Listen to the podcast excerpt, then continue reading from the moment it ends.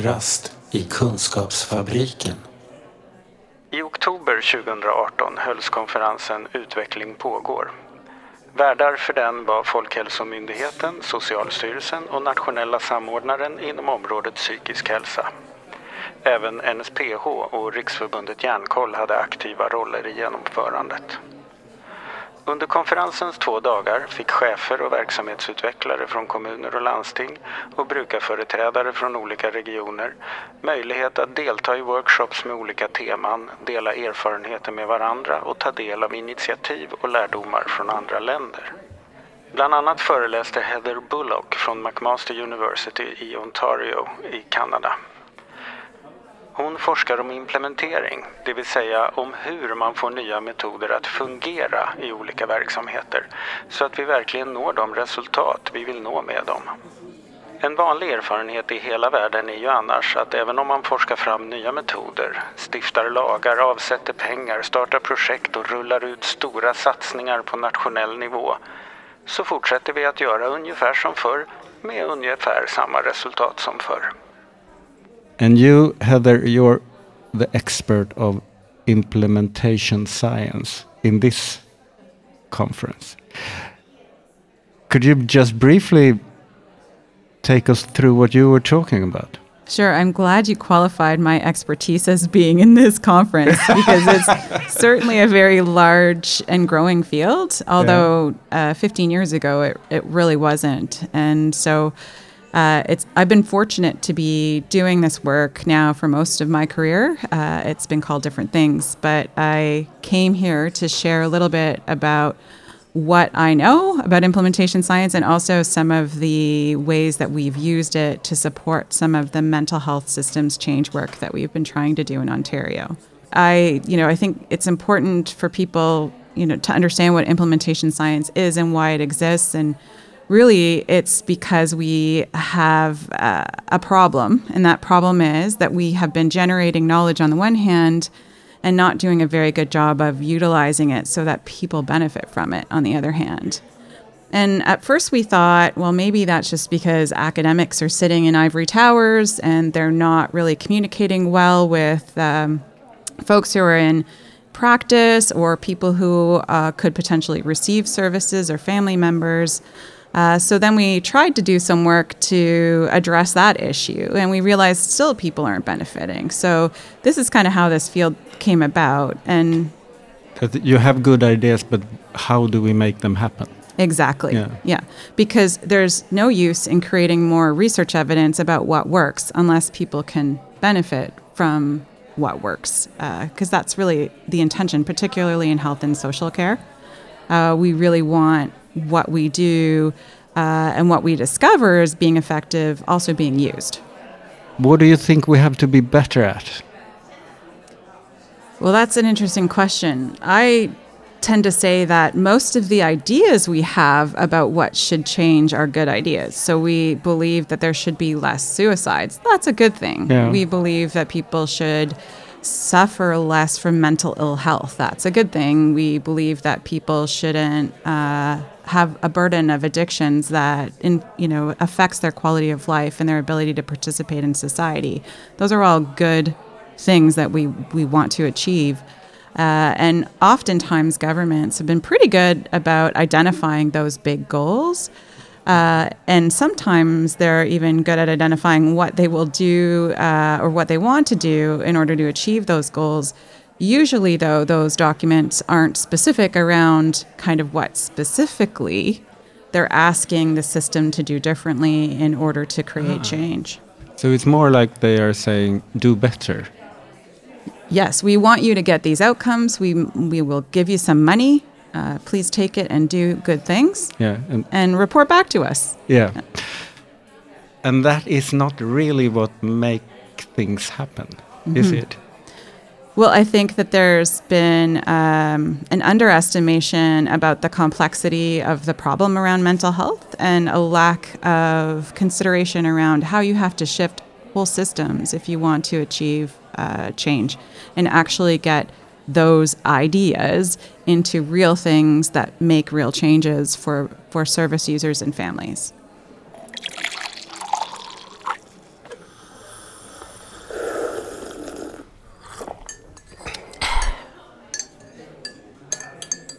So, what I shared this morning was uh, some, a particular framework that is uh, prominent in implementation science, where some researchers from the US, from the National Implementation Research Network, uh, did a lot of work to try and understand what do we know about what supports implementation. And they put together what they call the active implementation frameworks. Det engelska ordet framework kan betyda lite olika saker. I det här fallet motsvarar det ungefär arbetsprinciper, det vill säga principer man bör använda sig av för att skapa verklig förändring med det man vill införa. And uh, we have adopted that uh, it, quite broadly in mental health in Ontario now. And have used it as just a, a, way of thinking about implementation. We found it really helpful just to organize our thinking and our ideas and how to structure work around getting those that effective change. So there's five uh, frameworks. Princip nummer ett. Var tydlig med vad vi vill uppnå med den nya metoden och vad det är i metoden som gör det möjligt. The first is really around the what, and uh, I gave some some research studies that quoted that we aren't very good right now about describing uh, what it is we need to achieve. If you look at you know 1,200 studies in the literature, only 18% of them do a decent job of describing the intervention. And so, how possibly could we ma- get people to change things if we're not even very clear about what it is we're asking them to change? So that first framework is really around making interventions or the things we want to do really usable. And uh, doing that means unpacking them, describing them clearly, deciding what parts of them uh, need to stay consistent across different contexts and what parts you can adapt without affecting the uh, outcomes. Princip nummer två. Planera för hur och när det ska ske. So this is about when. And it, it really just is a way of thinking about implementation as a process that unfolds over time. And uh, in, in this particular model, there's four stages. So the first being exploration, where what you're trying to do is really get agreement on what the problem is and getting commitment that people want to solve the problem. And, and then by the end of exploration, choosing what it is uh, you're going to do to solve the problem. Uh, and then installation, where you take the thing that you've decided to do and start to think about how you're going to embed it in your system. Where are the locations that this new thing will be delivered? Who's going to deliver it? Do all the planning that you would do. You're thinking about a renovation in your house, and you, you start out with the vision. Once you agree on the vision and a budget, then you start uh, you know, unpacking that and trying to figure out specifically how you're going to use your money to achieve your vision, and that's really uh, installation. Princip nummer tre. Våga pröva och våga misslyckas. Initial implementation is when you start to get to work. So, in my house analogy, it would be when people start to tear things down mm. or to start the renovation. In mental health, it's when you actually have folks trying something new for the first time. Yeah. And you say that's interesting, I think, because you say trying for the first time. Mm -hmm. Implementation is trying. Yes. And see if it works. That's right. Yeah. And because I think uh, uh, we often get stuck in planning phases and we're not willing to accept the risk of having something fail. Yeah, exactly. But if we've done our best job at trying to make good decisions about what we should do, then what you need to do is start trying it out in your context and then use things like improvement cycles to test and get better. Uh, and and you know, okay, that didn't work. Well, could we put it in this setting, or did we need to change the types of people who are supporting the delivery of services? Do we have the right clients involved in the service? That kind of thing. So that's really where you're testing out a new thing and trying to get better at it. Uh, it might mean also that you scrap it at yeah, that exactly. stage if yeah. it's not working. Yeah.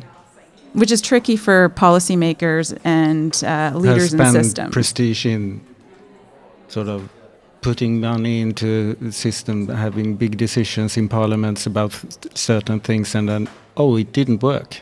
Yes. Yes. Political risk. yeah. It, it, could be political risk, but um, also if we don't try things, uh, then we're not going to know whether we're going to get outcomes. Oh. And um, you know what has happened is we've put money into systems and not necessarily measured outcomes. We sometimes measure uh, outputs. So Yeah. we, how meant the volumes of things. Yeah. We're good at measuring that. Uh, we've been worried more, I think, because we're afraid we're not going to achieve outcomes. To really measure, you know, what did did the client have a better experience with this service? Did the family member feel included in the service?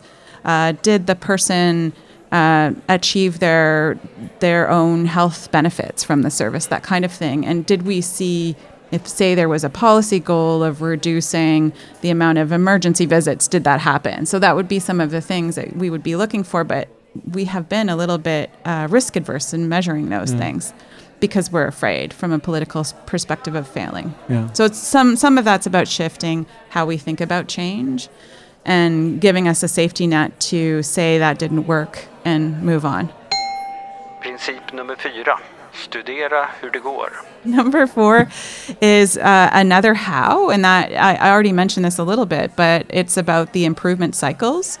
So this idea of getting started and getting better, and not getting held up and make trying to make everything perfect, because in fact, a lot of uh, what's not going to work you can never plan for. It's not until you start trying it out that you that you realize that there are you know potentially um, some challenges with despite your best planning. So um, tho- those improvement cycles can include things like plan, do, study, act cycles, Yeah. which are very common in quality improvement uh, methodologies.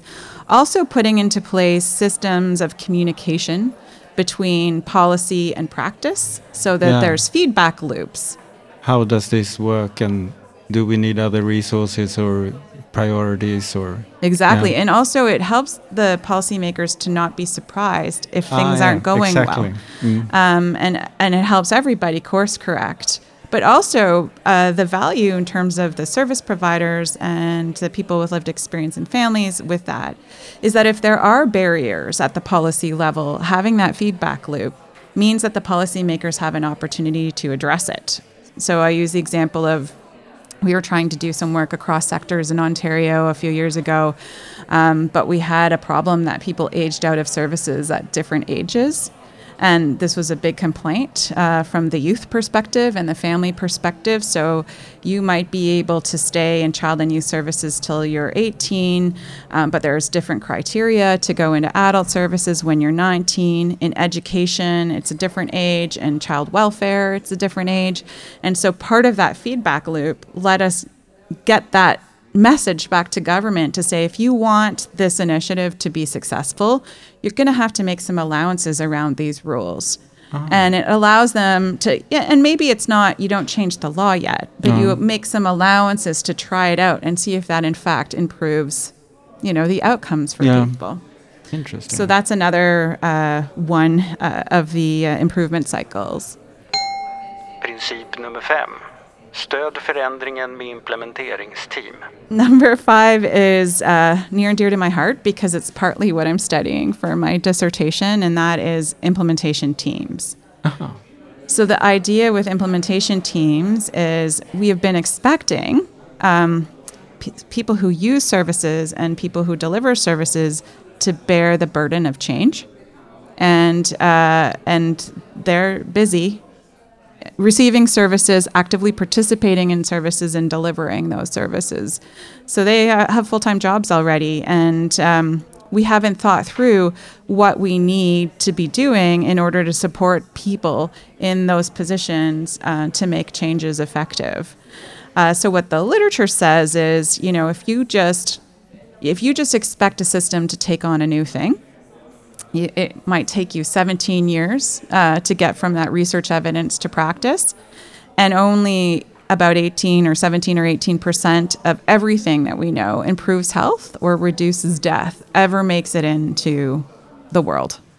Uh, if you add implementation teams, you can get closer to 80 percent of um, the things that we know improve health or reduce death, and it can be reduced to as much as three years. Uh, so it really makes a huge impact. yeah, you had the, you made a difference between let things happen or making things happen. Exactly. I was uh, speaking about a study by in education by Joyce and Showers in, in the U.S., and they were looking at getting teachers to do something differently in the classroom. And so, what they decided to do is to, well, first, we're just going to deliver the theory like we normally would in a training Yeah. and uh, give some examples of application. And you get some, 10, I think it was 10% of folks, of teachers, can demonstrate new knowledge out of that process, but nothing makes it into the classroom. And they keep kept layering on additional uh, training components. So, for example, we are going to model for you how to do the new thing. And still nothing made it into the classroom. It wasn't until they added coaching of the teachers in the classroom that they got the result that they were looking for in terms of the practice being delivered and the students benefiting from it. And it was up to 90% or 95%. But that what they really did was actually helping the teachers to try. That's right. And uh, supporting them to, uh, you know, as they went through trying to do something new. It's very uncomfortable. We all know this. Yeah. We try something new the first time, it, it's an uncomfortable feeling. You're not going to be perfect at it.